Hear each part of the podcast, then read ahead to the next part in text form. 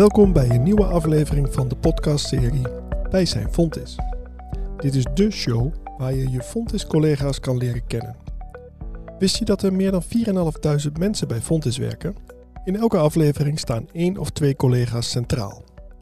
In een gesprek van ongeveer 20 minuten probeer ik een goed beeld te krijgen van het werk dat deze collega's doen, maar ik probeer ook een beeld te krijgen van het leven van deze collega's in zijn of haar vrije tijd. De meeste collega's die ik ken zijn namelijk niet alleen een kei in hun vakgebied, vaak hebben ze daarnaast interessante hobby's. Ik sluit altijd af met de vraag: wie zou jij eens in deze show willen horen? Op deze manier probeer ik een zo breed en divers mogelijk beeld te krijgen van Fontis-medewerkers van verschillende instituten. Niet alleen docenten, maar ook niet onderwijzend personeel zoals mensen van de administratie, de beveiliging en de catering. Wil jij ook eens iets vertellen in deze show? Dat kan.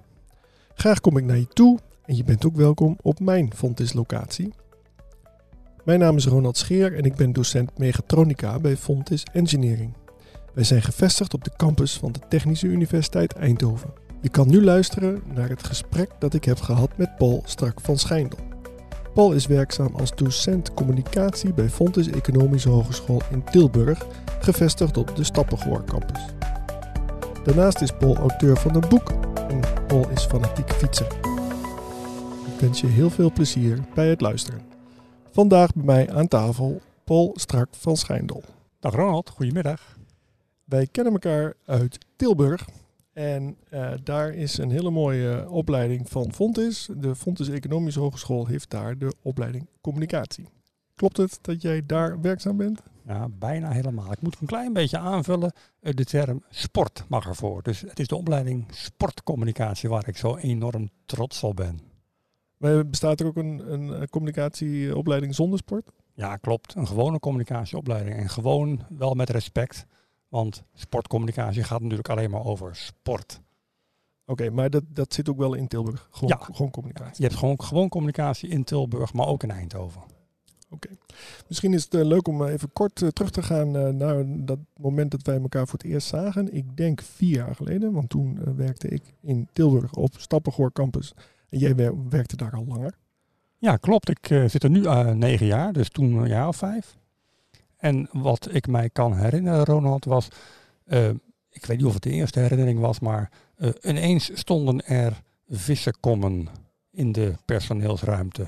En vissenkommen, voor de luisteraar, dat waren van die, eh, van die eh, echte printers waarmee je dingen kon printen. Van die real-life eh, shit, zou ik maar zeggen. Ah, ik had mijn, mijn Ultimaker eh, Je had jouw 3D printer. Ja, je had je Ultimator 3D printers vanuit thuis meegenomen. Want jij zat toen als een van de deeltijddocenten, deeltijddocenten, zat je bij communicatie en jij leerde daar de studenten hoe je ja, onder andere ook communicatiezaken ja, kon visualiseren. Ja. Heel Ja. gaaf.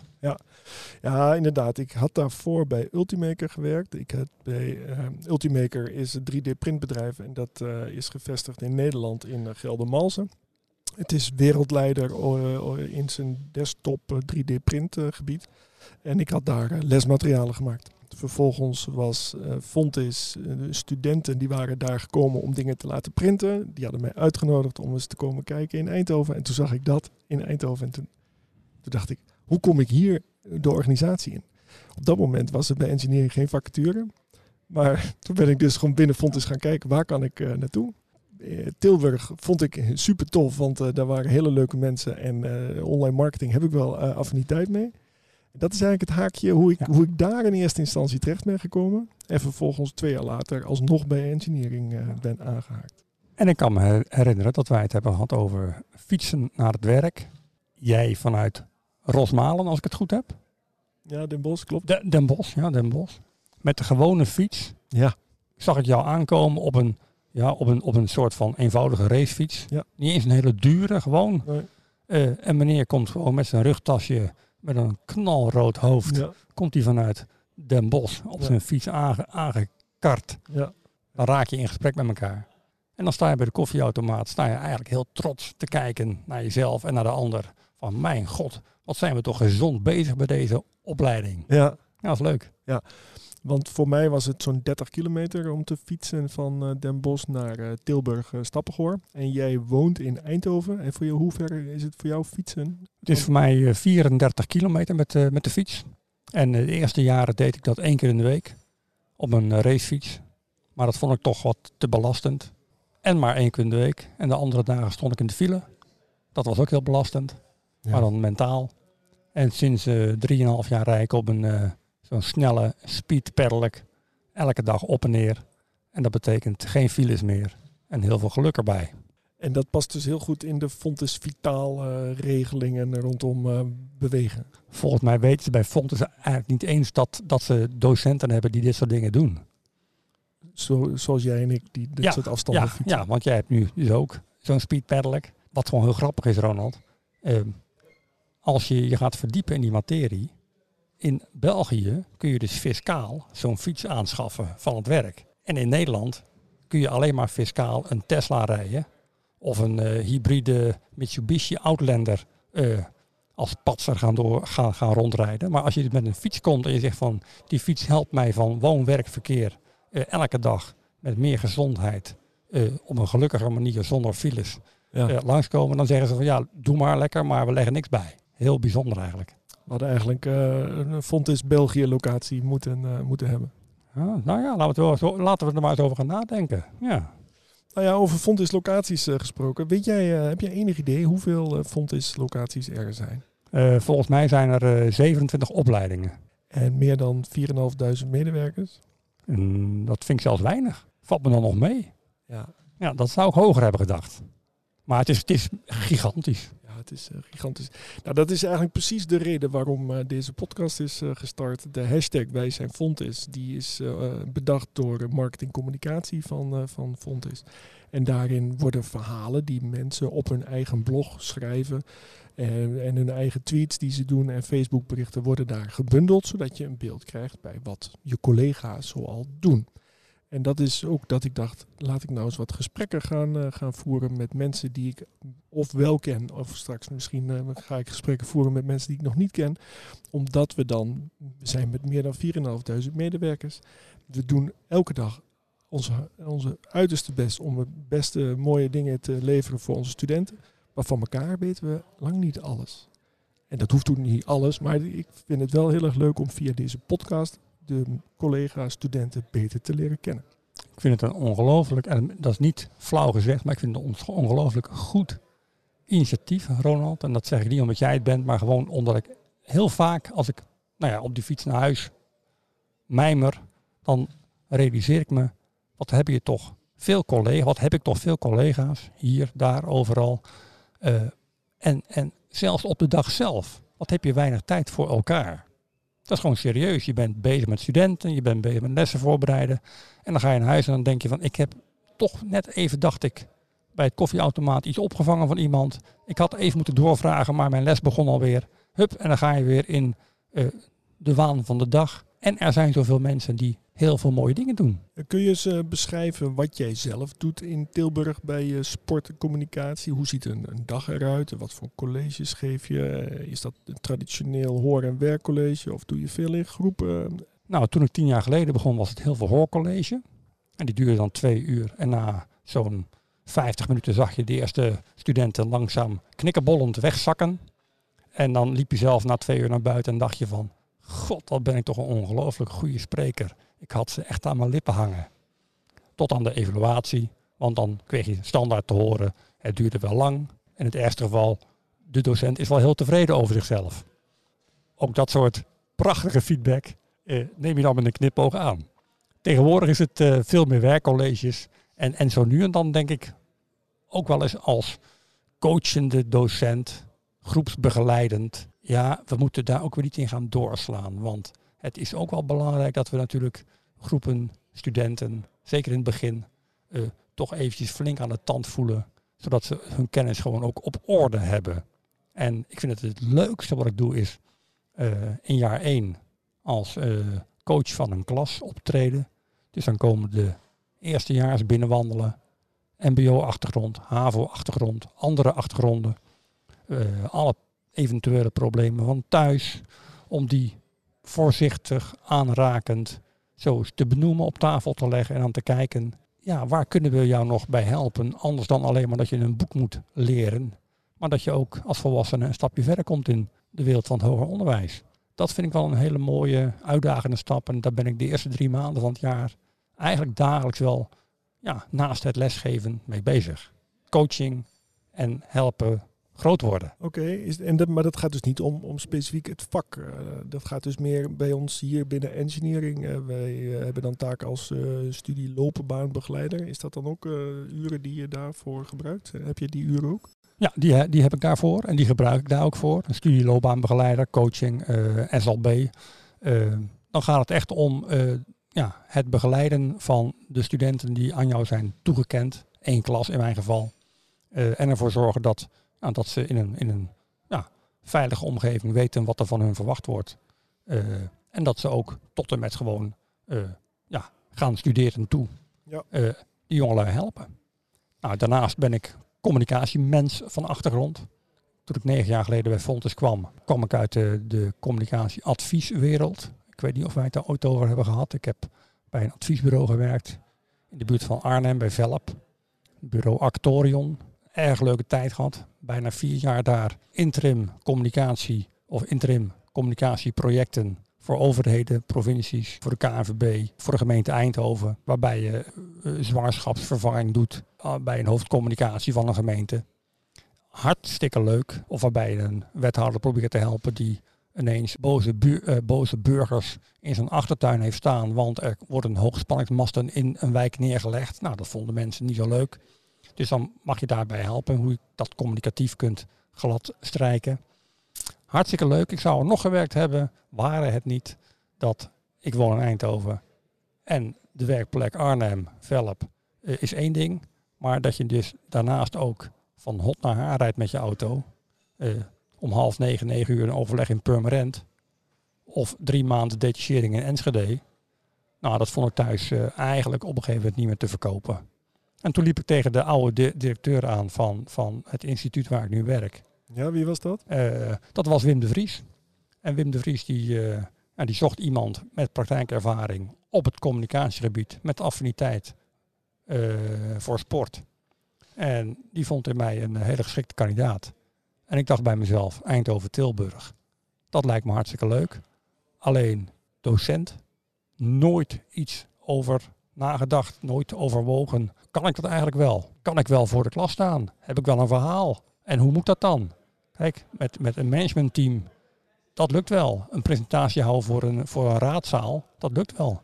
Maar ja, studenten, dat moest, ik moest echt even wennen.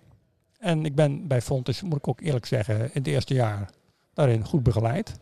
In de zin dat ze mijn eh, didactische opleiding uh, hebben aangeboden. Ja, bestond de BKO toen ook al? Ja, dat heette toen geloof ik zo, ja. Basiskwalificatie. Ja, Basiskwalificatie onderwijs of zoiets. Uh, zodat ik toch een beetje het idee had dat ik niet alleen maar ja, uh, met mijn boerenverstand nuttige dingen aan doen was, maar dat het ook wel wat didactische borging kreeg. Nou, dat is nou negen jaar geleden.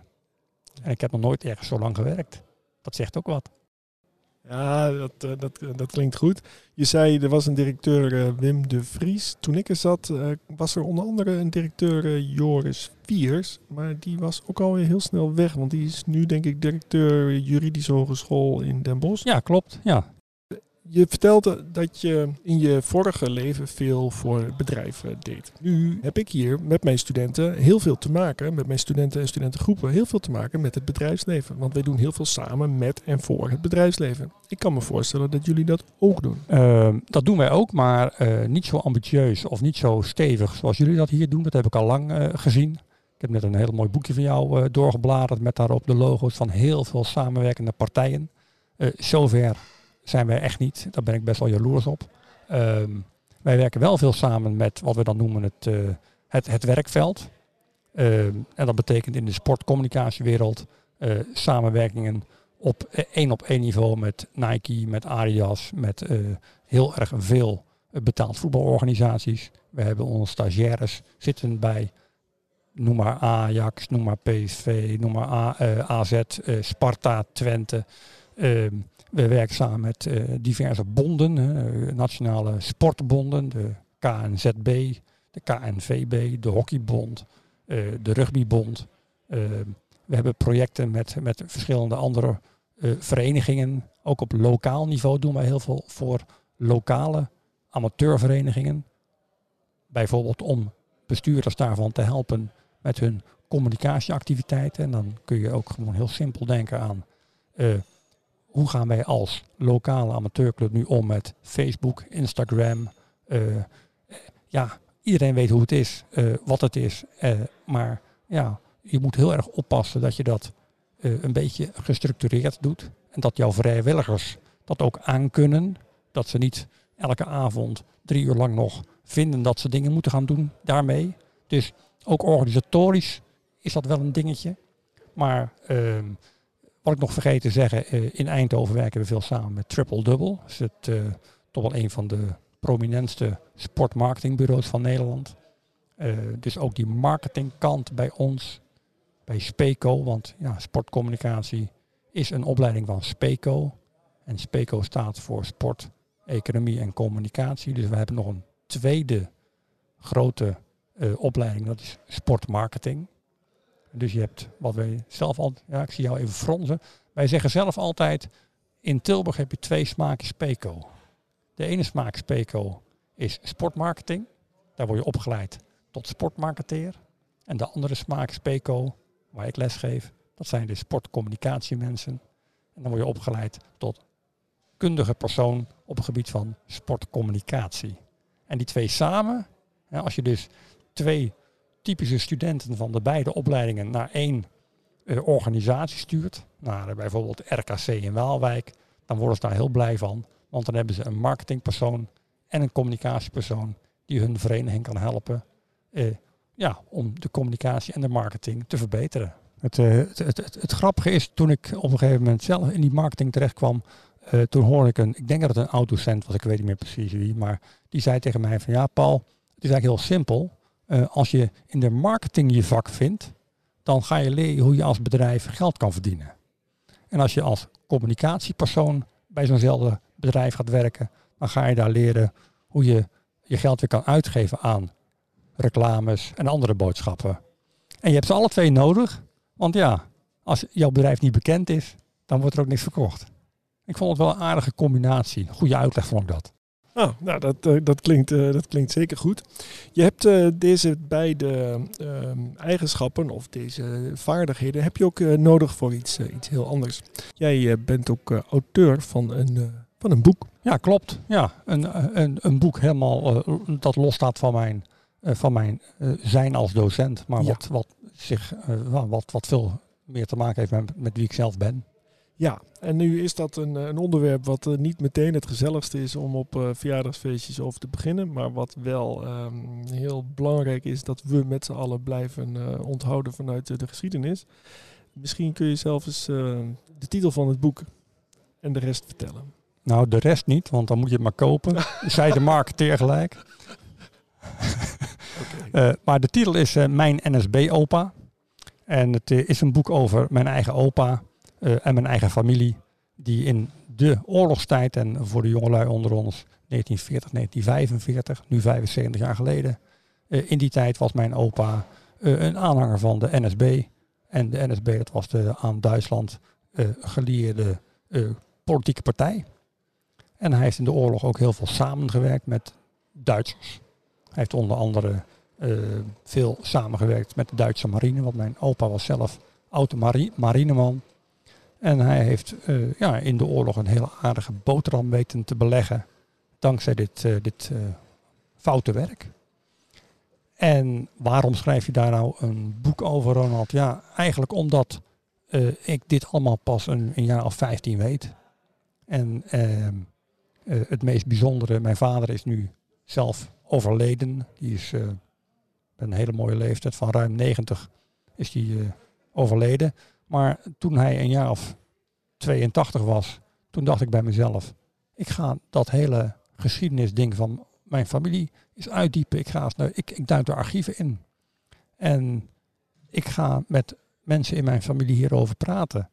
En ik ontmoette eigenlijk alleen maar uh, ja, uh, dichte monden. Uh, we zaten er niet op te wachten om hier nou eens veel over naar buiten te brengen. En toen ik via de archieven eh, mijn vader daarna vroeg, toen, nou ja, eh, de spreekwoordelijke oester die dan open gaat, eh, heel langzaam begon hij wat dingetjes prijs te geven. en heb ik hem kunnen verleiden, zo mag ik het wel zeggen, om mee te gaan de archieven in. Dat vond hij op zijn 82ste, 83ste, 84ste, want we hebben er vijf jaar over gedaan. Vond hij, dat vond hij meer en meer geweldige tripjes. Waarbij hij eigenlijk voor het eerst in zijn leven kon vertellen aan zijn zoon wat er allemaal in de oorlog in die familie was gebeurd. En dat hielp mij uiteraard weer met reflecteren op wat we in die archieven tegenkwamen. Nou, een heel lang verhaal, maar dat heeft geleid tot, tot heel veel inzichten uh, over de familie, over waarom ik zelf ja, ook nu sta waar ik nu sta. Want uh, mijn vader heeft tot aan zijn dood hier last van gehad. Die heeft zijn leven geleid wat hij heeft geleid. En dat heeft altijd, uh, ja, wortel, dat heeft altijd wortels gehad in de oorlog. vanaf het simpele moment dat hij zijn opleiding niet kon afmaken vanwege de oorlog, tot aan ja, wat hij later voor keuzes heeft gemaakt. Dus dan zie je wel ineens van, wacht nou eens eventjes, dat wij hier al 75 jaar vrede hebben. Dat is niet zomaar een klein dingetje. Dat is heel erg groot. En ik heb heel vaak tijdens het schrijven uh, ook gedacht aan de, de huidige tijd. Uh, een van de verhaallijnen is het overlijden of het sneuvelen van een oom van mij, die in 42 als SS-soldaat meegaat met de Duitsers om de Russen te verslaan. Nou, hij wordt daar doodgeschoten, uh, zand erover, zou je dan kunnen zeggen.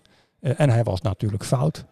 En ik heb de laatste jaren heel vaak gedacht, al die IS-strijders die om allerlei redenen naar Syrië gaan om daar uh, een nieuwe wereld te willen scheppen. Hoeveel mensen hebben nu in hun gedachtegangen vergelijkbare gedachten die mijn oom toen ook had? Die met de Duitsers meeging naar Rusland om daar de communisten te verjagen. Uh, dat zijn hele moeilijke gedachten die je dan hebt. Dat je bij jezelf denkt van ja, nu anno 2019 weten we heel goed wat fout is. Wat toen fout was. En natuurlijk was mijn oom in zijn keuzes fout. Uh, maar toen, in 1940, was natuurlijk de wereld anders dan in 1945. En wie zijn wij nu om die, die IS-strijders die daar nu gevangen zitten, om die allemaal over één kamp te scheren en ze af te doen als moordenaars, onruststokers en noem maar op. Het kunnen ook gewoon gedesillusioneerde jongens zijn die in hun westerse landen ja, niet de plek voor zich zagen die ze hadden willen zien. Ik vind het een hele moeilijke discussie. ik sta open voor alle kanten ervan. Maar um, ja, dat, dat is wel iets wat het schrijven aan zo'n boek ook weer bij mij, met mij doet. Lang verhaal. Ja, heftig. Um, inhoudelijk vind ik dat eh, heel moeilijk om daar. Um, we gaan er nu verder ook niet uh, verder uh, op in. Ik heb wel uiteraard jouw boek, toen het uitkwam, heb ik het uiteraard gekocht. Ik heb het gelezen, het staat in mijn kast. Ik ben er ook trots op dat, dat er een boek staat van, van jou. Vind ik, trots is misschien niet het goede woord, maar het is gewoon kei leuk om, om aan mensen te laten zien. ik ken mensen die boeken schrijven. Ja, en weet je wat dan, want dat dan toch even het brugje naar Font is, dat vind ik ook wel belangrijk. Dat nou niet ook wel belangrijk, dat vind ik echt belangrijk. Um, je gaat met zo'n boek aan de slag, maar dat boek gaat met jou aan de haal. En steeds vaker merk je dat, ja, dat het kost veel tijd.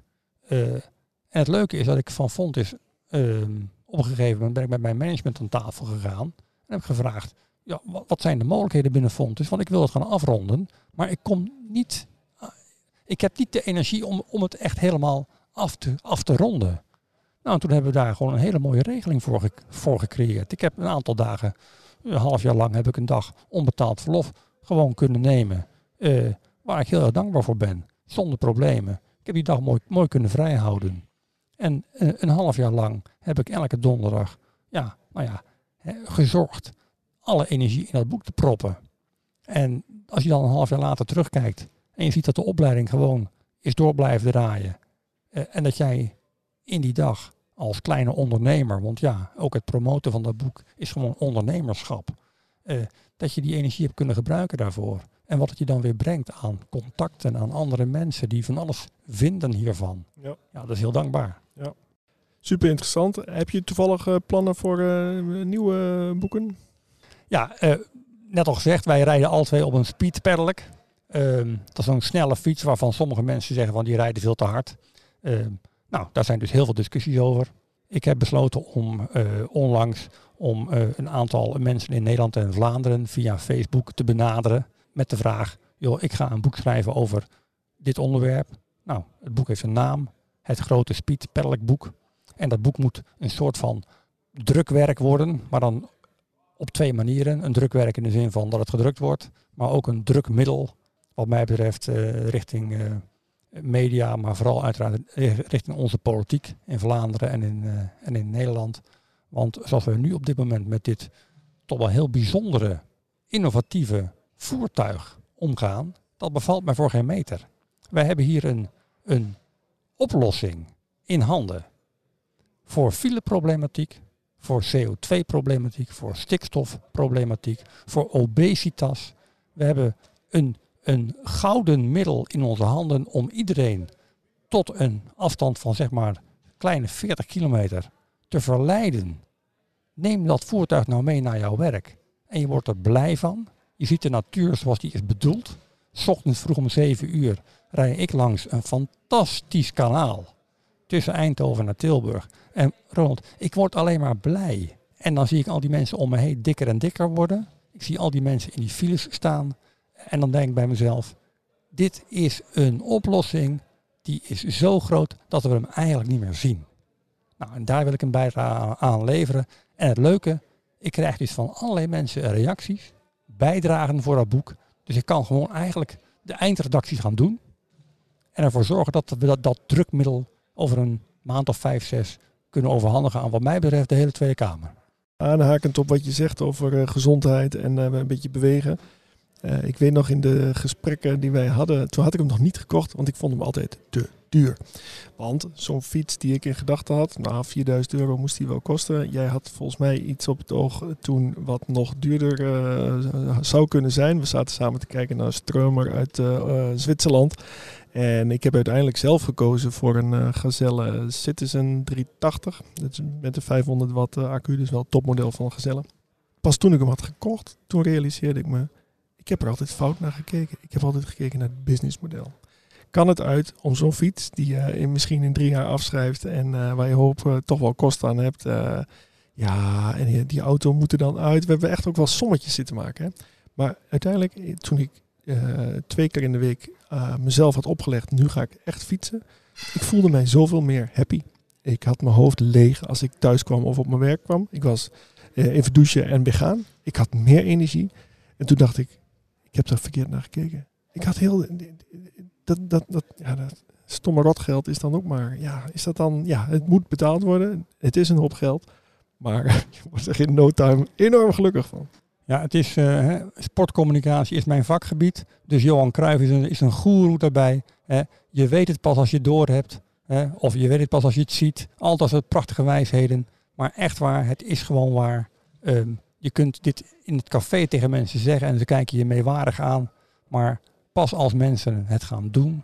Ja, ik, ik ben niet echt een gelovige in de zin van, van dat er iets is eh, naast dit leven of na dit leven. Maar ik geloof wel in de, de speed. Ah, dat klinkt, eh, dat klinkt super mooi. gelet op de tijd, want ik wou de podcast een beetje eh, kort en bondig houden, heb ik twee laatste vragen. De eerste, eh, ik stel ze allebei even, dan mag je erover nadenken. De eerste is, eh, heb ik nog iets gemist? Zou je wat willen toevoegen? En de tweede is, ehm, ik ga aan iedereen hier in de show ga ik vragen, wie zou jij graag ook eens willen beluisteren in de show? Dus wie adviseer jij die ik ga opzoeken om eh, uit te nodigen voor deze show? Te beginnen met de eerste vraag, wat heb ik gemist? Wat, waar zou ik het nog over willen hebben? Ik heb dus nu negen jaar onderwijservaring en eh, ik zie heel veel eh, vakanties voorbij komen. Zomervakantie, meivakantie, carnavalvakantie, herfstvakantie, kerstvakantie. Maar ik hoor ook veel mensen bij, het koffie, bij de koffieautomaten eh, toch wel beklemtonen, we hebben het druk. Het is wel een, wel een heftig vak met veel uren, veel avonduren. En ja, ik vind daar wel wat van. En uh, dat wil ik even delen. Vertel. Nou, ehm, het leuke van al die vakanties is niet dat je ze vrij hebt, want heel veel mensen hebben, hebben heel veel vrije dagen. Maar het echt bijzondere aan onze vakanties is dat onze klant dan ook even met vakantie is.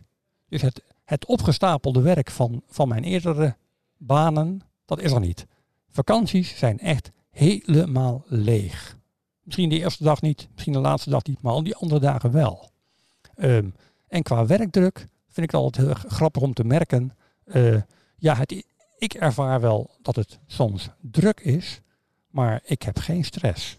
En dat komt omdat ja, het wel werk is wat gedaan moet worden.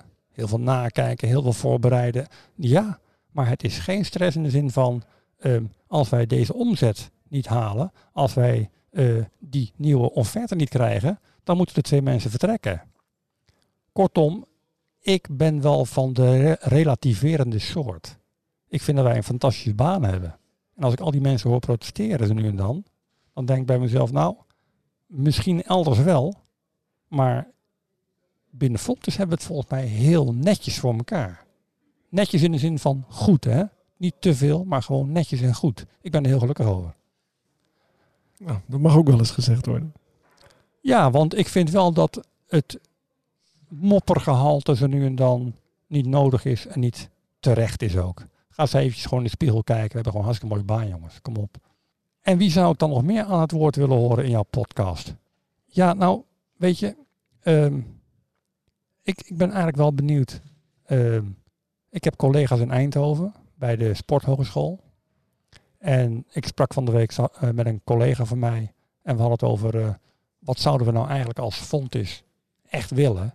En toen dacht ik, ja, wat je natuurlijk op het gebied van sport sportmarketing, sportcommunicatie. Wat natuurlijk echt een hele mooie droom zou zijn, is als je één groot bolwerk hebt van sportkenniscentra, achtige toestanden. En ja, wij zitten in het zuiden. Waarom zouden we niet gewoon alles wat sport ademt op die ene plek in Eindhoven kunnen lokaliseren? Bijvoorbeeld uh, bij de Sporthogeschool, bijvoorbeeld bij SX, helemaal midden in het centrum. Uh, waar die sportmarketingjongens allemaal zitten. Waar al die sportbedrijven zitten. Uh, ja, waarom niet, allemaal niet eens lekker de boel gaan clusteren. Waardoor je tegen studenten in heel Nederland kan zeggen. Als jij dus echt sportcommunicatie wil leren. Dan moet je dus naar die ene plek komen. In Eindhoven bijvoorbeeld. Want Ronald, sportcommunicatie is van Fontis is de enige opleiding in de, in de wereld, nou niet in de wereld, maar wel in Nederland, waar je sport en communicatie met elkaar verbonden ziet. Dat klinkt wel heel leuk, maar het nadeel is, als je dus in Heerenveen woont en je wil dat gaan studeren, dan moet je op kamers. En ja, een beetje een leuk campus, waar je dus ook een goede kamer krijgt vlakbij jouw opleiding. Nou, dat zou er dan wel bij horen ook. Dus iemand vanuit de sporthogeschool die daar een opvatting over heeft en over andere dingen op het sportgebied, ben ik zeker nieuwsgierig naar. Ja, uh, wil je misschien uh, concrete namen noemen of hou je het in het midden? Dat hou ik in het midden, ja. ja, dat is, dat is heel verstandig. Dan ga ik zeker de mensen hier van de Sporthogeschool in Eindhoven voor degene die luistert, uh, ik zou het fijn vinden als je jezelf meldt. Heb jij ideeën over uh, sportmarketing, sportcommunicatie of wil je iets anders vertellen en je bent werkzaam in Eindhoven bij de Sporthogeschool? Dan ofwel meld je en anders dan weet ik je te vinden. Laten we hiermee afronden. Uh, we zijn nu een kleine, bijna een half uurtje aan het praten. En uh, ik wil het dan uh, graag hierbij laten voor nu. Degene die interesse heeft in jouw werk en of jouw boek wat je al geschreven hebt over mijn NSB-opa. Of jouw boek wat er aan zit te komen over de Speed Pedelec. in de show notes zal ik jouw e-mailadres opnemen. Dan weet iedereen jou te vinden op je Fontis mailadres. Mag dat? Helemaal goed, dankjewel daarvoor. En dan uh, wil ik uh, hiermee afsluiten en uh, wil ik jou super bedanken voor de komst hier naar Eindhoven in de rondom het nieuwe, het nieuwe pand. Ik, kijk, ik, ik, kijk omhoog en ik zie hier een fantastisch, ja het is geen plafond meer, hè. het is gewoon een, een zaal waar op een hele mooie manier trappen van links naar rechts, van rechtsboven naar linksonder het gebouw doorsnijden. Het licht van boven straalt naar binnen. Ik vind het geweldig. En dat je hier mag zitten, dat is natuurlijk wel een cadeautje weer. Ja, als je het hebt over uh, wat heeft Fontes goed voor elkaar. Nou, dit is uh, ook goed voor elkaar. Daarmee uh, sluit ik af. nogmaals dank en ehm, iedereen in de auto, onderweg, in de trein. dank voor het luisteren en graag tot de volgende podcast.